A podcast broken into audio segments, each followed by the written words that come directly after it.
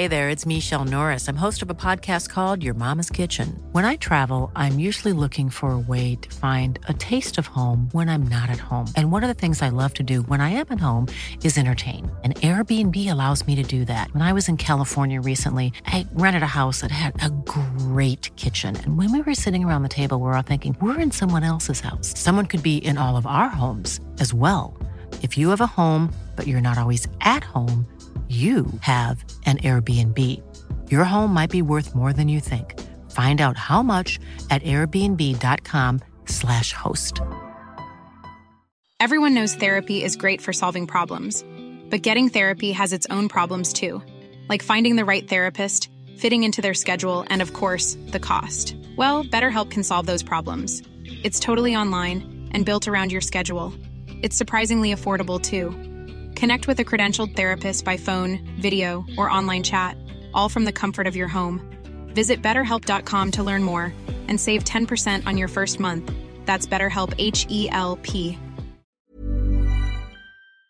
Och välkommen tillbaka till Storytime. Missing someone.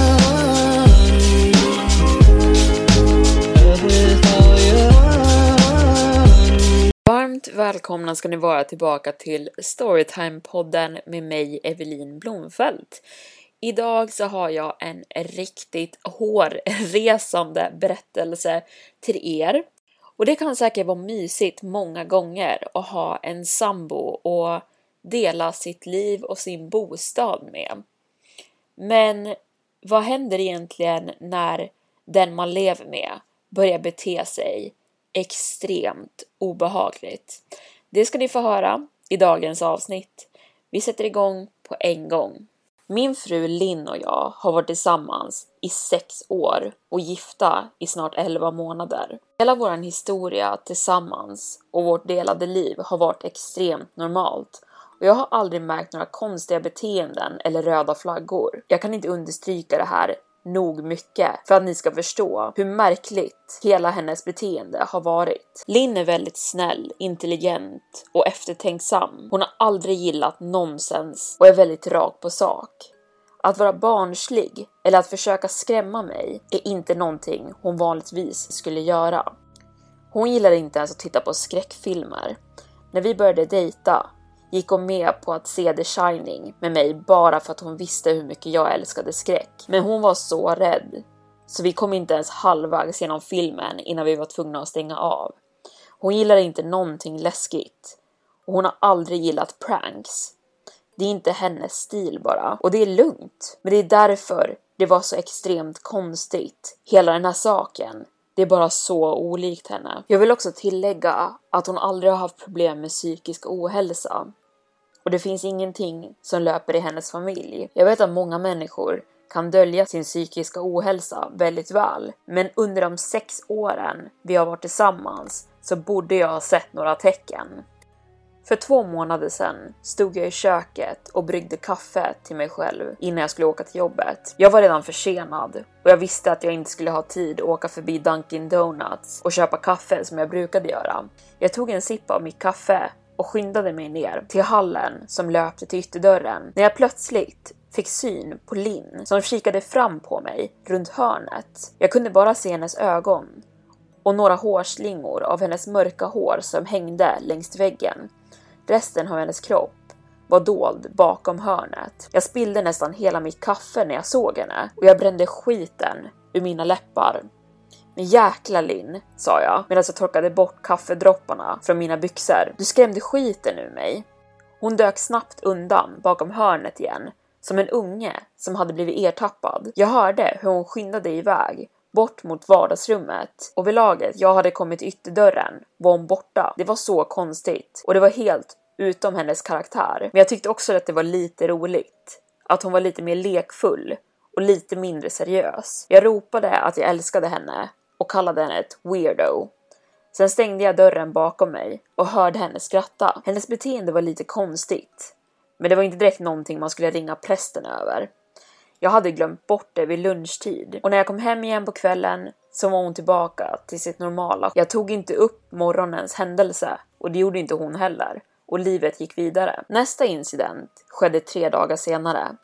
Klockan var ungefär två på natten och jag hade vaknat och var törstig. Jag stod i köket vid våran köksö med ett glas apelsinjuice i handen när jag helt plötsligt fick en överväldigande känsla av att vara iakttagen. För någon anledning fick jag för mig att titta ner mot golvet och såg min frus leende ansikte stirra tillbaka mot mig. Hon kikade fram på mig från den andra sidan av köksön. Hon hukade och stirrade rakt på mig utan att blinka medan hon flinade brett. Jag skrek, jag ska erkänna det. Inte av irritation, men av rädsla. För någon anledning blev jag riktigt rädd i stunden. När Linn hörde mig skrika skyfflade hon sig ut ur synhåll. Sen rörde hennes händer och fötter sig snabbt över kakelgolvet medan hon sprang på alla fyra ut ur köket. Jag sprang inte efter henne och jag ropade inte ens på henne.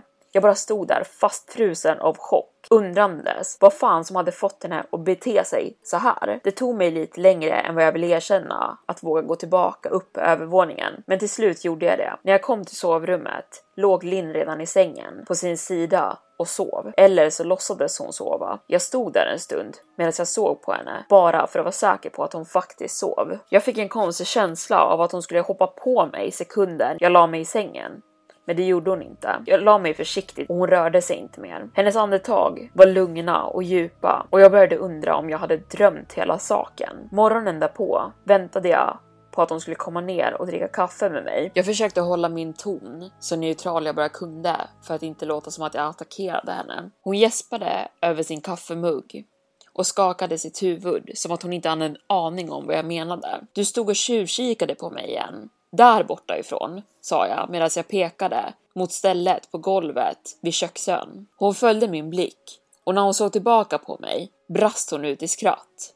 Hon skrattade så mycket att jag inte kunde hjälpa att jag inte kunde hindra mig själv från att börja skratta med henne. Du skrämmer verkligen skiten ur mig ibland, vet du det? sa jag. Hon fnittrade och la ner sin kopp. Sen la hon sina armar runt min hals. Du skrämmer mig hela tiden, så jag antar att vi är kvitt, retades hon. Vi sa våra hejdå för dagen och sen åkte vi båda till jobbet.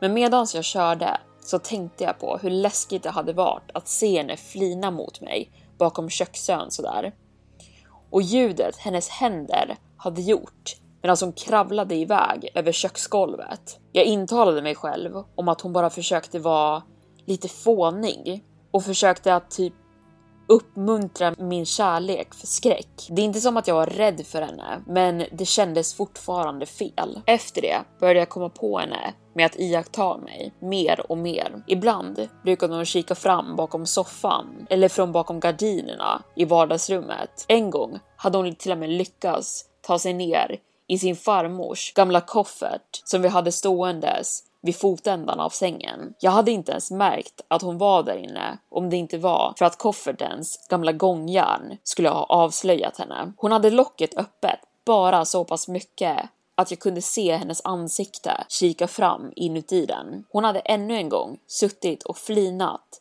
som ett litet barn och det var oroväckande. Jag visste inte ens vad jag skulle säga till henne. Allt jag kunde göra var att stirra tillbaka. När jag till slut tog mig ur min chock och vågade tala frågade jag henne varför hon höll på så här. Hon svarade inte. Istället stängde hon sakta igen locket och stängde in sig själv inuti kofferten. Jag bara gick därifrån och kände mig extremt störd över situationen. Jag förstod inte varför hon gjorde det, men det gjorde henne tydligen lycklig. Jag bara hoppades på att hon skulle tröttna på den här leken fort. Linn iakttog mig inte de nästkommande två veckorna. Jag började tro att hon hade tröttnat på sina pranks och jag var lättad. Vi kollade på en serie på Netflix en kväll och jag bestämde mig för att rent samt säga att jag inte hade sett henne tjuvkika på mig på senaste och måste ha gett upp på sin spionlek. Hon såg upp på mig med ett litet leende och sa jag kanske bara har blivit bättre på det. Jag sa ingenting tillbaka, men jag undrade för mig själv om hon skojade eller inte. Och de nästkommande dagarna kunde jag inte sluta tänka på vad hon hade sagt. Iakttog hon mig fortfarande och hade jag bara inte märkt det? Och om det var fallet, vad fan fick hon ut av det här? Jag började känna mig paranoid. Jag kollade mig konstant runt, bara för att se om jag fick syn på henne runt ett hörn eller bakom en dörr. Jag var på helspänn hela tiden när jag var hemma och hon inte var inom synhåll. Jag kände mig dum och lite galen. Men efter några veckor utan en till incident började jag slappna av. Jag slutade kolla under möbler och runt väggar. Jag intalade mig själv om att det bara var ett dåligt minne nu, men sen för några dagar sedan blev allt så mycket värre. Linn hade åkt iväg till en väns hus och jag låg och slappade på soffan och spelade spel på min laptop. Runt nio på kvällen hoppade jag in i duschen och medan jag höll på att tvätta ur schampot ur mitt hår fick jag tillbaka den där hemska känslan av att vara iakttagen. Jag öppnade sakta mina ögon och fick nästan en hjärtinfarkt. Linn stod och tittade fram bakom duschdraperiet Hela hennes huvud var sträckt in i duschen och bara hennes kropp stod på utsidan. Hennes långa mörka hår hängde mot duschdraperiet och det droppade av vatten. Hennes mun hängde vidöppen i ett hemskt flin. Hennes ögon var vida och röda som att hon inte hade blinkat på länge jag skrek till och hoppade bakåt mot väggen. Hon rörde sig inte och hennes leende blev exakt samma. Hennes smink rann ner för hennes kinder som två svarta streck. Hon såg manisk och uppspelt ut och jag var livrädd. Vi stod så i en stund. Ingen av oss sa ett ord. Till slut, efter vad som kändes som en evighet, drog hon sakta bak sitt huvud ut ur duschen och jag såg hennes skepnad bakom duschdraperiet medan hon sakta klev bakåt och gick mot badrumsdörren. En sekund senare smällde badrumsdörren igen hårt, så hårt att spegeln skakade på väggen och jag skrek till igen och hoppade ut ur duschen för att låsa dörren efter henne. Jag stannade inne i badrummet i över en timme. Jag kanske överreagerade, tycker ni? Men skämt eller inte, jag tänkte inte stå ut med den här galna skiten mer. Det var det. Jag intalade mig själv medan jag gick fram och tillbaka inne i badrummet medan jag stannade upp för att lyssna på dörren då och då. Helt plötsligt hörde jag ett dovt ljud och jag pressade mitt öra mot badrumsdörren för att höra bättre. Jag kunde inte höra någonting, men jag såg framför mig Linn ståendes utanför på andra sidan dörren, fnittrandes åt hennes skämt. Jag kände ett sting av ilska. Jag var bortom förbannad över att hon fick mig känna mig rädd i mitt eget hus och fick mig att gömma mig inne i badrummet i över en timme. För vad? Ett skämt? Vad fan Linn? skrek jag till. Den här skiten börjar spåra ur. Det är inte roligt. Jag väntade på att hon skulle svara och be om ursäkt eller kalla mig en idiot, men istället hörde jag ett tyst stön. Så tyst så jag undrade om jag ens hade hört det överhuvudtaget. Och sen följde bara total tystnad. Linn, skrek jag ut, oförmögen att dölja rädslan i min röst, men jag fick inget svar. Bara mina egna tunga andetag. Jag svär på gud, sluta bara, skrek jag medan jag slog min knytnäve i dörren. Jag väntade på att hon skulle bråka tillbaka eller att hon skulle bli sur för att jag skrek på henne sådär. Jag brukade aldrig höja rösten mot henne, men det kom ingenting, bara droppandet från duschen. Jag tänker inte förneka att jag var rädd, alldeles för rädd för att öppna den jäkla dörren och konfrontera min egen fru. Jag väntade i ytterligare 30 minuter eller någonting, vilket känns som en hel livstid när man är rädd. Till slut bestämde jag mig för att jag inte kunde spendera hela natten gömd i mitt eget badrum. Så jag klev ner på mina knän och försökte se under dörren. Jag förväntade mig nästan att få syn på hennes ansikte som kikade tillbaka på mig från springan. Men som tur var så gjorde jag inte det. Jag kunde se ner för hela hallen och början på trappan men ingen Linn. Jag visste inte om jag skulle vara glad över det eller inte. Jag spanade så i några minuter. Jag ställde mig upp, höll min hand över handtaget på dörren och förberedde mig mentalt för att öppna den. Jag vred sakta om låset med skakiga fingrar och jag skulle just rycka upp dörren när jag hörde ett ljud i badrummet som fortfarande gör mig illamående när jag tänker på det. Ett stön, högre än det förra, men den här gången kunde jag avgöra vart det kom ifrån. Jag vände på mitt huvud till den närmaste dörren inne i badrummet i slow motion och fick ögonkontakt med min fru som nu såg ut på mig inifrån skåpet inne i badrummet. Hennes ögon var fortfarande vida och hennes mun hängde öppen i det där groteska gapande leendet. Jag skrek inte ens. Jag var för rädd för det. Hon hade korsat armarna över bröstet och skakade av uppspelthet när jag fick syn på henne. Ett kort raspigt ljud steg från hennes hals. Det var djupt och nästan djuriskt och det gav mig kalla kårar i hela kroppen. På något sätt bröt jag mig ur min trans och drog upp badrumsdörren så hårt jag kunde medan jag sprang ner för hallen, grabbade tag i mina nycklar och min telefon som låg på vardagsrumsbordet innan jag sprang ut ytterdörren till min bil. Jag kunde höra hennes hysteriska skratt inifrån huset men jag hörde inte om hon följde efter mig eller inte. Jag sket i att stänga ytterdörren efter mig. Jag körde iväg från mitt hus snabbare än vad jag lagligt borde ha. Jag rös hela tiden, både från rädsla och från kyla, kanske båda. Jag hade inte hunnit ta tag i några kläder eller ens en jacka eller ett par skor. Jag hade bara mina kalsonger på mig och mitt hår var helt blött. Jag körde raka vägen till min bror Chris hus som bor ungefär 40 minuter bort. Jag ignorerade varje sms och telefonsamtal jag fick. Jag kollade inte på min telefon innan jag säkert hade parkerat på min brors uppfart. Linn hade ringt fyra gånger och skickat massa sms och alla smsen undrade vart jag var och varför jag hade åkt så hastigt. Jag kastade iväg min telefon i ett raseriutbrott, arg över hennes nonchalanta attityd. Min bror och hans fru var överraskade att få syn på mig speciellt klädd i ett par kalsonger, men de sa åt mig att jag kunde stanna så länge jag behövde. Chris lånade ut några kläder till mig och frågade vad som hade hänt. Jag berättade att Linn och jag hade bråkat, men jag berättade inga detaljer. Jag ville inte att han skulle tro att jag överreagerade och lämnade min fru sådär över ett prank, trots att det var ett extremt konstigt ett. Jag menar, jag hade uppmuntrat henne under flera år att sluta vara så seriös hela tiden, men det här var definitivt inte vad jag hade tänkt mig. Jag försökte sova på deras soffa, men min hjärna lät mig inte sova.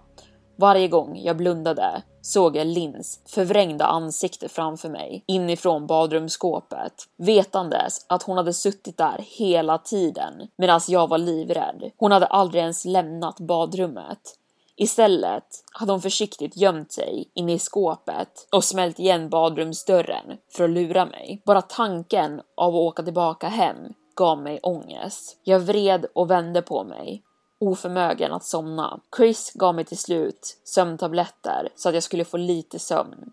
Men min sömn var full av mardrömmar. Alla bestod av Lins leende ansikte. Jag vaknade när solen höll på att stiga upp och min kropp var öm från att ha sovit på soffan och jag kände mig helt tom. Jag visste att jag skulle behöva ringa Linn vid något skede, men jag visste inte vad jag skulle säga till henne. Jag vägrade åka hem om hon inte gav mig en bra förklaring och lovade att sluta med all den här obehagliga skiten. Jag ville bara ha min fru tillbaka. Hennes normala, seriösa själv. Jag övervägde att ringa upp henne och berätta det, men jag fick den här konstiga känslan precis just då. Jag kände mig iakttagen. Jag stirrade rakt upp i taket med hjärtat i halsgropen. Jag ville inte se mig omkring, men desto längre jag ignorerade känslan, desto värre blev den. Mina ögon drogs till fönstret, nästan av sig själva. Hennes ansikte var uppressat mot fönsterrutan precis bredvid soffan där jag låg. Hon stirrade på mig med samma gapande leende medan dregel droppade ner från hennes mungipor, lämnandes två långa reniler på glasrutan. Jag visste inte hur länge hon hade varit där ute, men någonting sa mig att det hade varit en lång stund, förmodligen hela natten. Jag brydde mig inte ens om att skrika, trots att jag var rädd, för ilskan var värre än min rädsla i den stunden. Jag hoppade upp från soffan och slog min knytnäve mot fönsterrutan. Linn, är du galen? Vad fan är fel på dig? Vad i helvete är det för fel på dig? Åk hem! skrek jag. Nu!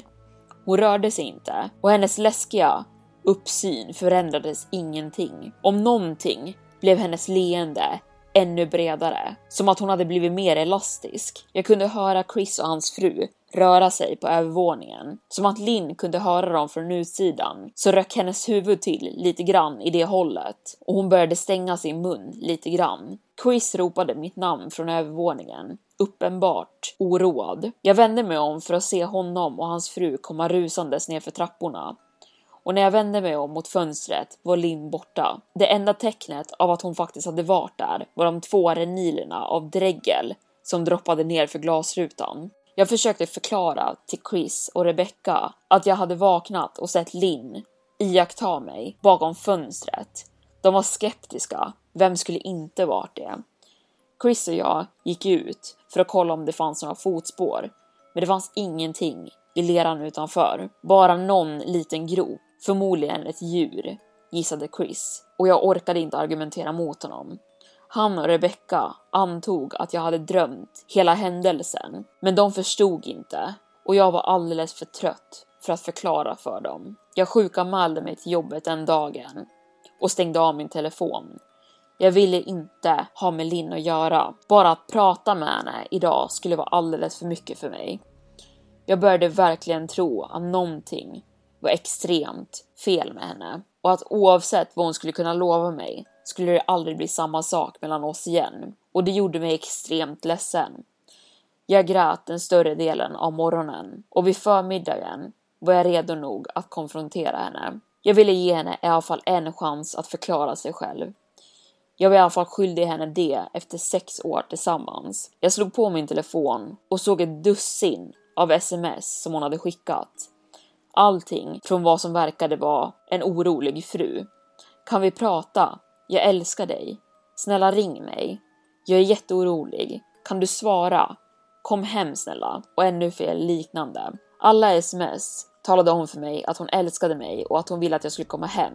Hur orolig hon var.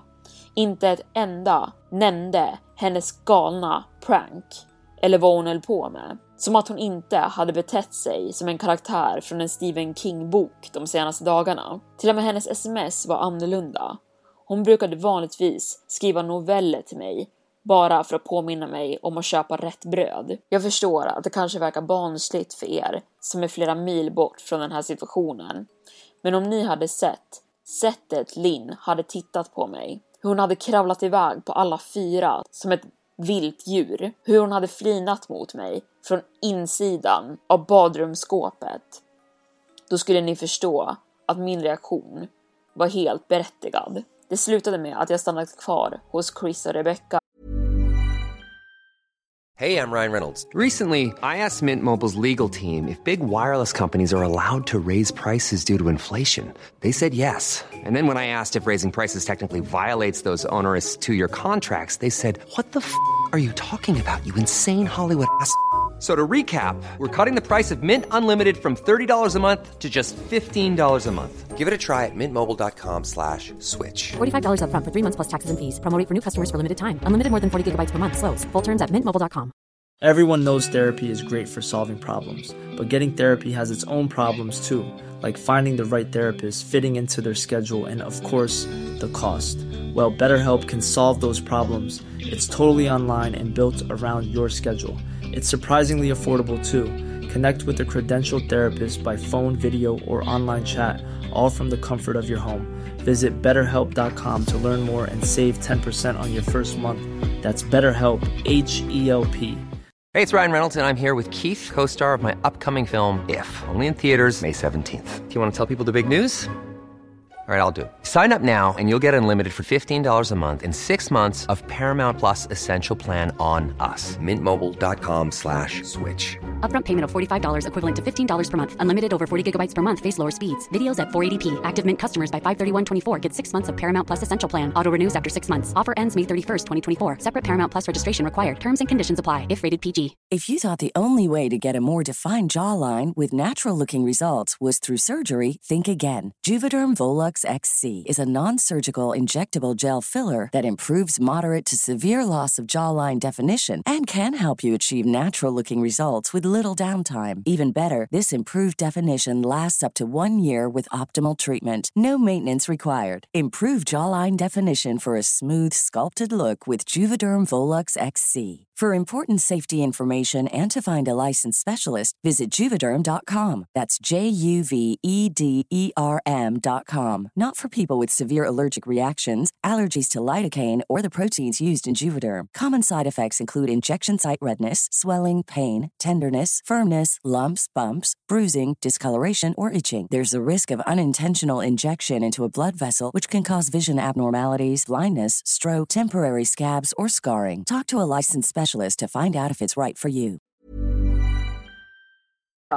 en natt till. Jag vaknade inte igår förrän sent på eftermiddagen och tacksamt såg jag inte Lins ansikte iaktta mig från andra sidan fönstret. Jag vill inte snoka för det här har inte med mig att göra.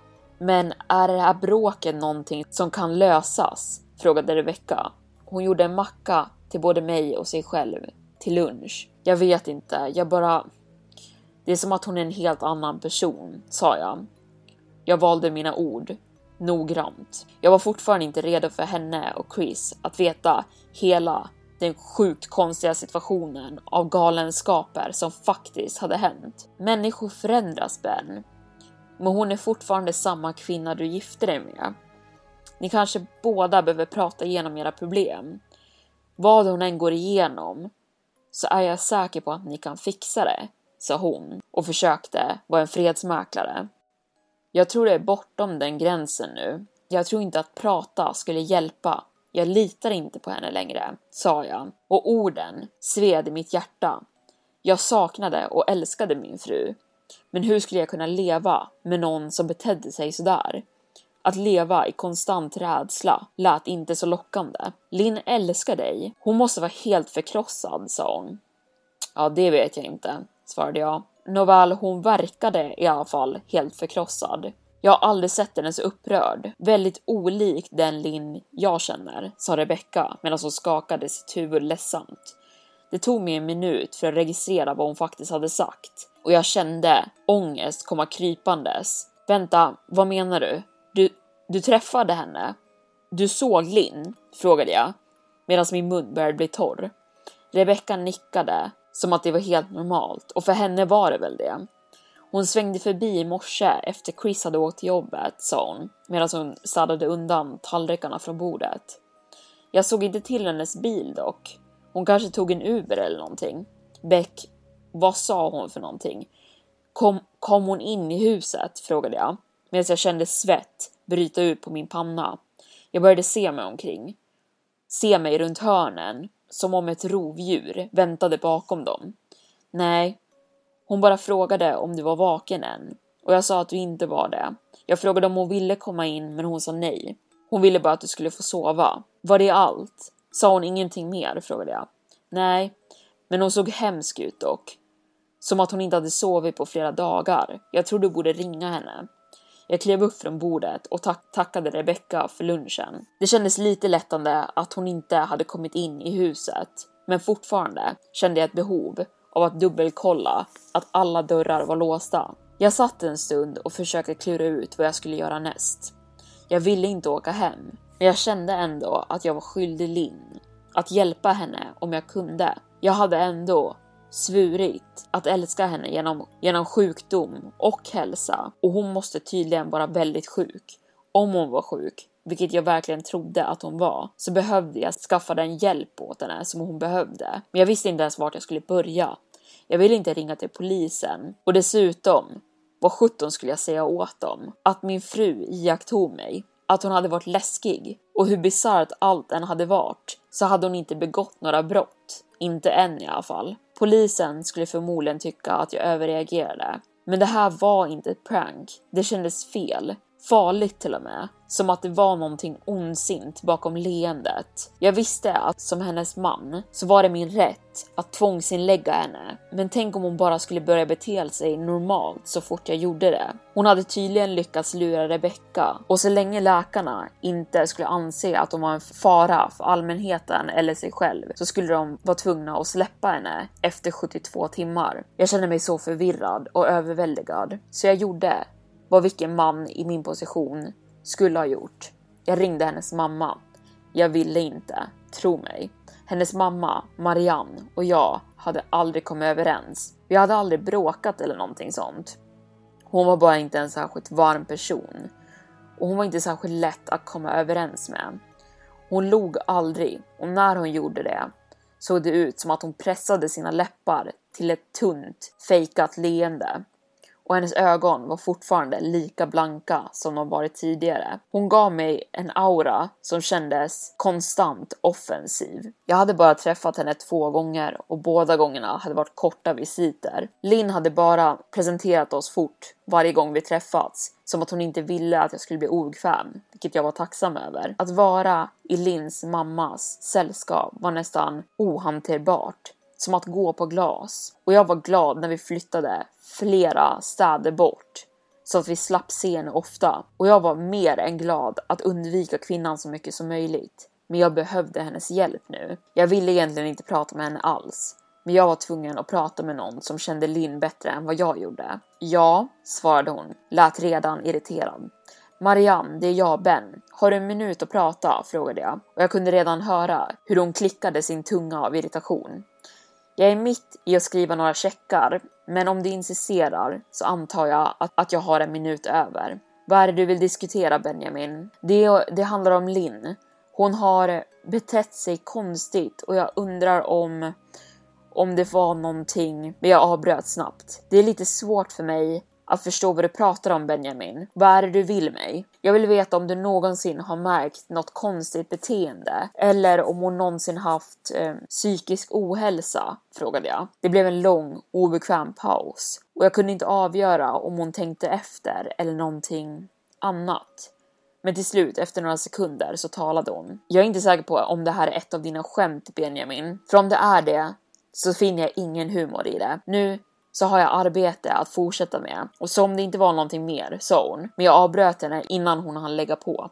Mariam det är inte ett skämt. Jag är uppriktigt orolig över Lins psykiska hälsa. Hennes beteende har varit väldigt oroväckande på senaste. Och jag är väldigt orolig. Och jag antog att du som hennes mamma borde vara det också, sa jag. Och min frustration var nu tydlig i min röst. Om du verkligen är orolig, då föreslår jag att du letar reda på professionella. Jag vet inte vad du förväntar dig av mig och jag kunde avgöra att hon var några sekunder från att slänga på luren på mig. Men jag var alldeles för desperat för att låta henne göra det. Snälla, om inte för mig, gör det för Linn, försökte jag. Jag hörde hon drog ett skakigt andetag. Marianne, vad är fel? började jag. Benjamin, jag vet inte vad jag ska säga dig, mitt enda råd skulle vara att söka professionell hjälp. Ring inte mig igen, hej då. Nu la hon på. Jag försökte lista ut varför hon vägrade hjälpa mig. Trots att hon inte gillade mig, varför vägrade hon hjälpa sin egen dotter? Jag kunde inte förstå det. Jag försökte att spela om konversationen i mitt huvud, desperat att hitta någonting jag, jag missat. Jag kom ihåg de sista orden hon sa. Sök professionell hjälp. Hon hade sagt de orden som att de var väldigt viktiga, understrykna. Och det kanske var att jag inbillade mig saker. Men jag är säker på att hennes röst förändrades väldigt mycket när hon sa just det. Vad hade hon menat? Jag antog först att hon hade menat läkare, men hon kanske syftade på någonting helt annat. På någonting som hon för någon anledning inte kände sig bekväm med att säga direkt till mig. Eller så var jag bara desperat. Jag väntade på att Chris skulle komma hem från jobbet och sen hade jag en lång, konversation med han och Rebecca. Jag övertalade dem om att Linn verkligen behövde psykiatrisk hjälp. Jag berättade inte allting. Jag var inte beredd att göra det än. Men jag berättade om vårt sista möte, hur han hade gömt sig i badrummet och iakttagit mig från badrumsskåpet. De var uppenbart chockade, men tacksamt nog så trodde de på mig nu. De ville också bara genuint hjälpa henne, men de trodde fortfarande inte att det var fullt så seriöst konstigt, men inte farligt. Det kanske är för Youtube eller någonting, försökte Rebecca förklara. Chris tyckte inte att vi skulle involvera polisen än. Han erbjöd sig att åka hem med mig och jag accepterade tveksamt. Han övertalade mig om att vi skulle prata med henne, övertala henne om att hon behövde hjälp och jag gick med på att göra det på hans sätt. åtminstone skulle jag slippa att åka tillbaka till det där huset själv. Vi åkte till huset i morse efter frukost. Det fanns inte en chans att jag tänkte åka under natten. När vi körde in på uppfarten till mitt hus började jag bli nervös. Hennes bil var inte där. Ytterdörren var lite öppen och en stund förväntade jag mig nästan se hennes ögon stirra ut genom springan. Jag började skaka och svettas. Men Chris var helt lugn. Han väntade på att jag skulle öppna dörren och gå in först. Och han hade händerna i fickorna som att han bara skulle ta en promenad genom parken. Jag var avundsjuk på hans ignorans. Jag puttade upp dörren och kände direkt en stank komma ut från huset. Chris märkte den också och rynkade på näsan. Vad använder ni för att tvätta golven med här egentligen? Skit, mumlade han. Tyst med dig, sa jag medan mina ögon for runt efter minsta lilla tecken på Linn. Men huset var helt tyst och mörkt trots att klockan var tio på morgonen. Alla gardiner var igendragna och vägrade släppa in något solljus överhuvudtaget. Om jag inte hade åkt härifrån för två dagar sedan så skulle jag trott att det här huset hade stått övergivet. Vi rörde oss genom varje rum. Jag letade försiktigt på alla ställen som hon skulle kunna gömma sig och ibland ropade jag ut hennes namn. Vad fan kollar du under soffan för? frågade Chris till slut. Letar vi inte efter din fru? sa han medan han såg på mig som att jag var en idiot. Vi går upp bara, viskade jag. Han skakade sitt huvud och följde efter mig till trapporna. På vägen upp så klev jag på några vita glas och såg att de var utspridda över trappstegen. Jag märkte att porträttet på mig och Linn från vårt bröllop hängde på väggen och glaset hade blivit krossat. Jag stirrade på bilden med en klump i min mage. Vi hade tagit det där fotot direkt efter vi hade lämnat kyrkan. Efter att vi hade sagt våra löften. Hon såg så vacker ut i sin vita klänning. Jag såg på Lins vackra ansikte. Jag skulle aldrig kunna föreställa mig att hennes ansikte skulle vara roten av rädsla för mig nu. Vi gick sakta upp för resten av trappstegen och kollade i gästrummet, men det såg helt orört ut. Jag tvekade innan jag gick in i sovrummet. Min rädsla kröp tillbaka i full kraft. Chris märkte det och erbjöd sig att gå in själv, men jag ville inte låta honom göra det. Så vi gick in tillsammans. Badrummet såg ut att vara helt orört sen jag åkte ifrån. Jag tror inte hon är här Ben. Ska du inte packa några kläder så försöker vi komma tillbaka imorgon eller någonting, sa Chris. Jag nickade instämmande och gick in i sovrummet igen för att trycka ner några kläder i en väska. Men när jag öppnade garderobsdörrarna och hittade källan till stanken höll jag på att spy. Chris kollade en gång in i garderoben och tappade all färg i sitt ansikte. Han var tvungen att kliva ut ur rummet. Jag såg ner i chock på vad som låg inuti min garderob. Ett dussin ögonbollar. Alla hade försiktigt placerats i par. Några var större och några var små som grus. Jag stirrade ner på ögonen som hon hade samlat från små djur och jag undrade hur hon sjutton hon hade fått tag i dem och jag rös av bara tanken. Jag trodde jag hade det jobbigt med Beckas skoberoende. Men fan, din fru är här ute och samlar på ögonbollar, sa Chris medan han nästan höll på att spy. Ben, jag tror vi borde dra härifrån, sa han utifrån hallen. Okej, okay, sa jag medan jag tog tag i väskan och stängde dörrarna till mitt nya mardrömsbränsle. Jag klev ut i hallen och tog ett djupt andetag. Jag kunde känna förruttnelsen på min tunga. Vem sjutton radar upp ögonbollar i sin garderob sådär, mumlade Chris. Jag försökte ju säga att hon behöver hjälp. Hon behöver inte hjälpen. Hon behöver en jävla exorcist, sa han. Kommer eller inte, jag står inte ut med lukten. Hans mening dog i mitten, medan hans ögon blev vida av rädsla. Jag frågade inte varför, jag kunde känna det. Någon iakttog oss. Och det var inte ögonen i garderoben. Jag vände mig om. Mina ögon skannade sakta av sovrummet. Jesus, viskade jag när jag äntligen såg vad vi hade missat i rummet. Under sängen, uppkrupen i fosterställning, tittandes på oss med uppspelthet som ett barn på julaftonsmorgon var min fru. Hon höll sina händer knutna under sin haka och skakade nu när hon hade blivit hittad. Jag kunde höra de konstiga ljuden som kom från henne. Det lät nästan som hicka som fastnade i hennes hals. Det var skrämmande och samma enorma leende. Allting i mig sa åt mig att springa, men jag tvingade mig själv att stanna kvar. Det här var min fru. Hur sjukt det här än var. Jag var tvungen att hjälpa henne. Linn, sa jag mjukt. Hon svarade inte, men hennes huvud nickade fram och tillbaka. Älskling, jag vill bara hjälpa, okej? Okay? Kan du, kan du låta mig göra det? frågade jag. Jag hade tagit ett litet steg framåt, närmade mig henne som jag skulle ha närmat mig ett farligt djur.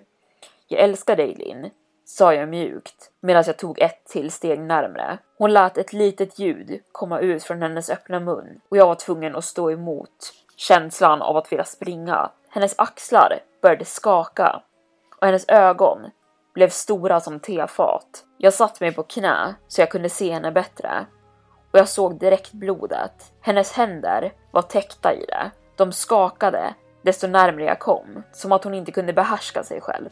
Linn, är du skadad? Du blöder, sa jag. Hon nickade en gång till. Hennes blodiga fingrar rörde sig i luften som att hon spelade ett osynligt piano och ibland rörde de vid hennes haka och smetade ut blod över hennes hud. Lukten som kom från henne var hemsk. Hennes läppar var torra och blod sipprade i de torra springorna. Jag visste att hon inte skulle komma ut därifrån självmant. Men jag ville inte heller lämna henne i det stadiet hon befann sig i. Jag skyfflade mig närmre och sträckte mig ut efter henne och de uppspelta, hickande ljuden blev högre medan hennes händer började skaka. Medan jag såg att hon greppade om någonting i ena handen och blod började droppa när hon gjorde det. Och herregud Linn, du blöder, sa jag. Instinktivt sträckte jag mig efter hennes hand, men innan jag ens hann röra henne sträckte hon ut sin egen efter mig. En vass smärta sköt genom min arm och jag föll tillbaka på min rumpa. Min arm sved och jag kunde se blod. Jag såg tillbaka på henne med chock i blicken och såg hon flinade maniskt mot mig och hennes händer greppade hårt om en stor skärva glas. Är du okej okay där inne? frågade Chris bakom mig. Jag vände mitt huvud lite och nickade mot honom. Medan jag höll min skadade arm mot min bröstkorg. När jag vände mig om mot Linn såg jag att hennes fokus hade skiftat. Hon såg inte på mig längre och hon log inte heller. Hon stirrade förbi mig. Hennes ögon glodde rakt på Chris som ett hungrigt lejon stirrar på en antilop. Hennes mun hängde fortfarande vidöppen. Jag reste mig på fötter och började gå sakta bakåt, ut ur rummet, in i hallen, för rädd för att slita ögonen bort från henne. Blöder du? frågade Chris. Samma sekund orden lämnade hans mun började Linn skyffla sig fram från under sängen, fortfarande hållandes i glasskärvan. Chris, spring! Gå, skrek jag. Han måste ha varit för rädd för att röra på sig. För sekunden efter kände jag hur min rygg stötte in i honom. Han stod helt stilla på samma ställe och stirrade med skräck på min fru. Linn hade nu kravlat ut från sängen helt och stod vid änden av sängen. Hennes ansikte förvridet i ilska. Hela hennes kropp såg spänd ut och blod rann ner för hennes fingrar och droppade på golvet. Jesus Linn, sa Chris. Du, eh, leker du kurragömma? Jag sträckte mig mot honom och puttade honom mot trapporna. Rör på dig Chris, sa jag så tyst och bestämt jag bara kunde. Lins huvud började nicka upp och ner, fort, i skarpa rörelser. Sen började hon flina igen. Hon sträckte sina mungipor bredare och bredare tills det såg ut som att hennes haka rörde vid hennes hals. Jag hörde Chris muttra en bön bakom mig medan han började springa ner för trapporna. Jag stod på det översta trappsteget fast mellan en kvinna som jag älskade som uppenbart behövde seriös hjälp. Jag vill bara hjälpa, sa jag en gång till medan jag höll tillbaka tårar. Hennes ögon fokuserade på mig igen och hon lyfte sakta upp glasskärvan och höll ut den framför sig själv. Sen började hon springa rakt mot mig medan alltså hon flinade av uppspelthet. Tacksamt tog min kropp över och jag flög ner för trapporna med två eller tre trappsteg åt gången. Jag tog mig till ytterdörren innan jag kände hur hon hoppade på mig på ryggen och virade sina armar runt min hals. Hennes mun var precis bredvid mina öron och jag kunde höra de hemska hickande ljuden så nära. Jag skakade henne våldsamt av mig och hon föll till golvet. Jag kände en smärta komma från min rygg, men jag tog mig ut ur den öppna ytterdörren och sprang mot bilen. Chris stod på framsidan och pratade i telefon med polisen. Jag sa inte ett ord. Jag bara sprang till bilen och hoppade in. Chris tog hinten och följde efter mig medan han fortfarande pratade med 112. Jag såg mig om i backspegeln och var säker på att hon skulle vara där springandes efter oss. Men hon gjorde inte det och jag åkte direkt in till akuten och fick 11 stygn i min arm och 3 på min rygg. Polisen frågade många frågor och åkte tillbaka till mitt hus för att leta, men såklart var Linn inte där längre. De rådde mig att bo hemma hos en vän eller en släkting ett tag medans de letade rätt på min fru. Men jag visste att det inte skulle spela någon roll. På något sätt visste jag bara. Jag lämnade av Chris hemma. Sen åkte jag till ett motell en timmes körning bort. Jag ville sätta så mycket distans mellan mig och Linn som jag bara kunde. Och det är där jag har varit de senaste fyra timmarna. Jag trodde att polisen kanske skulle kunna hitta henne, att de skulle kunna ge henne den hjälp hon desperat behöver. Men nu tror jag inte det. För ungefär 40 minuter sedan fick jag ett sms från ett okänt nummer. Bara tre ord. Jag hittade dig. Och smset innehöll en bild. Bilden var mörk och pixlig. Men jag visste direkt vad det var. Jag kunde inte missta min frus öga. Jag började skriva ner det här direkt efter. Jag vet inte vad jag ska göra. Jag är ensam och rädd och jag kan inte hjälpa att känna att jag är iakttagen. Och där har vi nått slutet på dagens storytime och jag hoppas att ni har gillat den här berättelsen. Jag själv tycker att den var väldigt spännande. Vill man komma i kontakt med mig angående podden så kan man höra av sig till min Instagram och där heter jag Evelines Makeup och Evelin Blomfelt. Jag har alltså två stycken. Man kan skriva in där om man har önskemål för podden eller om det handlar om annat kring podden så kan jag nås där just nu. Men med det sagt så ska jag lämna er. Jag vill bara påminna er om att jättegärna följa podden och slå på notiser där ni lyssnar på den så att ni inte missar nya uppladdningar. Men annars så tackar jag för att ni har lyssnat idag och vi hörs nästa gång. Hejdå!